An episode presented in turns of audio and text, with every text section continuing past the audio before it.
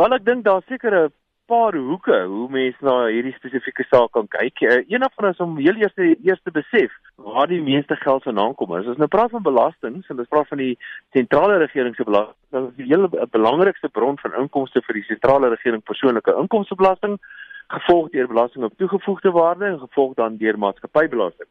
En dan is daar 'n spul ander tipe van belasting, byvoorbeeld belasting op brandstof en douaneregte en aksiesregte en dis meer. Maar die belangrikste belasting is persoonlike inkomstebelasting en die en die provinsie wat by verre die meeste persoonlike inkomstebelasting betaal is natuurlik die rykste provinsie en dit is Gauteng gevolg deur die ander provinsies soos byvoorbeeld die Wes-Kaap en daarna van die ander provinsies. Maar sonder enige twyfel die maatskappy die provinsie wat die heel meeste betaal is uh, persoonlike inkomstebelasting is sekerlik Gauteng.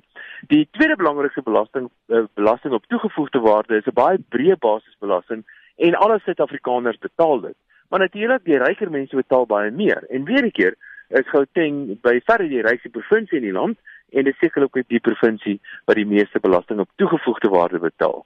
Die derde belangrikste belasting is natuurlik maatskappybelasting en weer 'n keer sonder enige twyfel is Gauteng die grootste belastingbetaler wat maatskappybelasting aanbetref en dit is waar die heel meeste maatskappybelasting dan gehef word. In die konteks is KwaZulu-Natal 'n ontvangprovinsie, sê Rood. So as jy dan die belangrikste belasting kyk, het ek geen twyfel nie dat Gauteng die provinsie is wat by verre die heel meeste belasting betaal en die ander provinsies, die Vrystaat of KwaZulu-Natal en dies meer is meestal ontvangprovinsies en dis wat dis provinsies wat meer ontvang van Gauteng as wat hulle self betaal in die pot belastings in. En die realiteit is dat die Zulu koning se grondgebied as mense seker so kan stel is seker hoofsaaklik in KwaZulu-Natal en vanuit daardie oogpunt is ek bevrees dat die KwaZulu-Natal se belasting bydra waarskynlik heelwat minder is as wat hulle in werklikheid ontvang van die sentrale regering se kant af.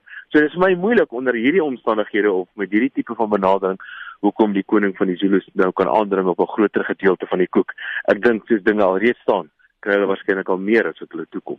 Maar wat is die Zulu koning bedoel het Zulus ongeag waar hulle hulself in die land bevind dra betekenisvol by tot belastinginkomste. En eh, wel as mens nou hierdie ding op 'n etniese grondslag op 'n of ander manier wil probeer verdeel en die verskillende etniese groepe is dan nou sê nou maar die Zulus en die Wendas en die en die en die Tswanas en die Sothos en die ek weet nou nie hoe gaan mense nou die uh, brein mense verdeel of hoe gaan jy nou wit mense verdeel onder Engels sprekende of Afrikaans sprekende of hoe jy dit ook al gaan verdeel nie.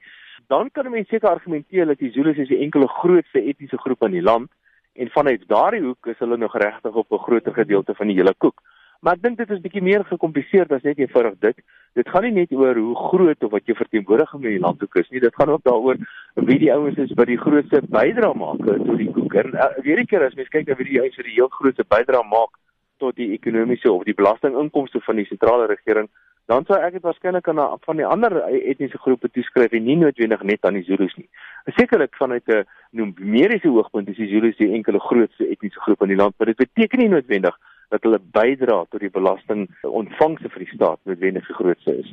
Syfers wat aan Monitor voorgehou is dui daarop dat die wit bevolking wat maar 5 miljoen landsburgers uitmaak tot 45% van belasting bydra. Selfs die Indiërs wat maar 2% van die bevolking uitmaak, se bydrae is nagenoeg 6 tot 8% van die belastinginkomste. So dit beteken hierdie groepe kan ook voortaan aandring op meer besteding uit die staatskas op hulle gemeenskappe.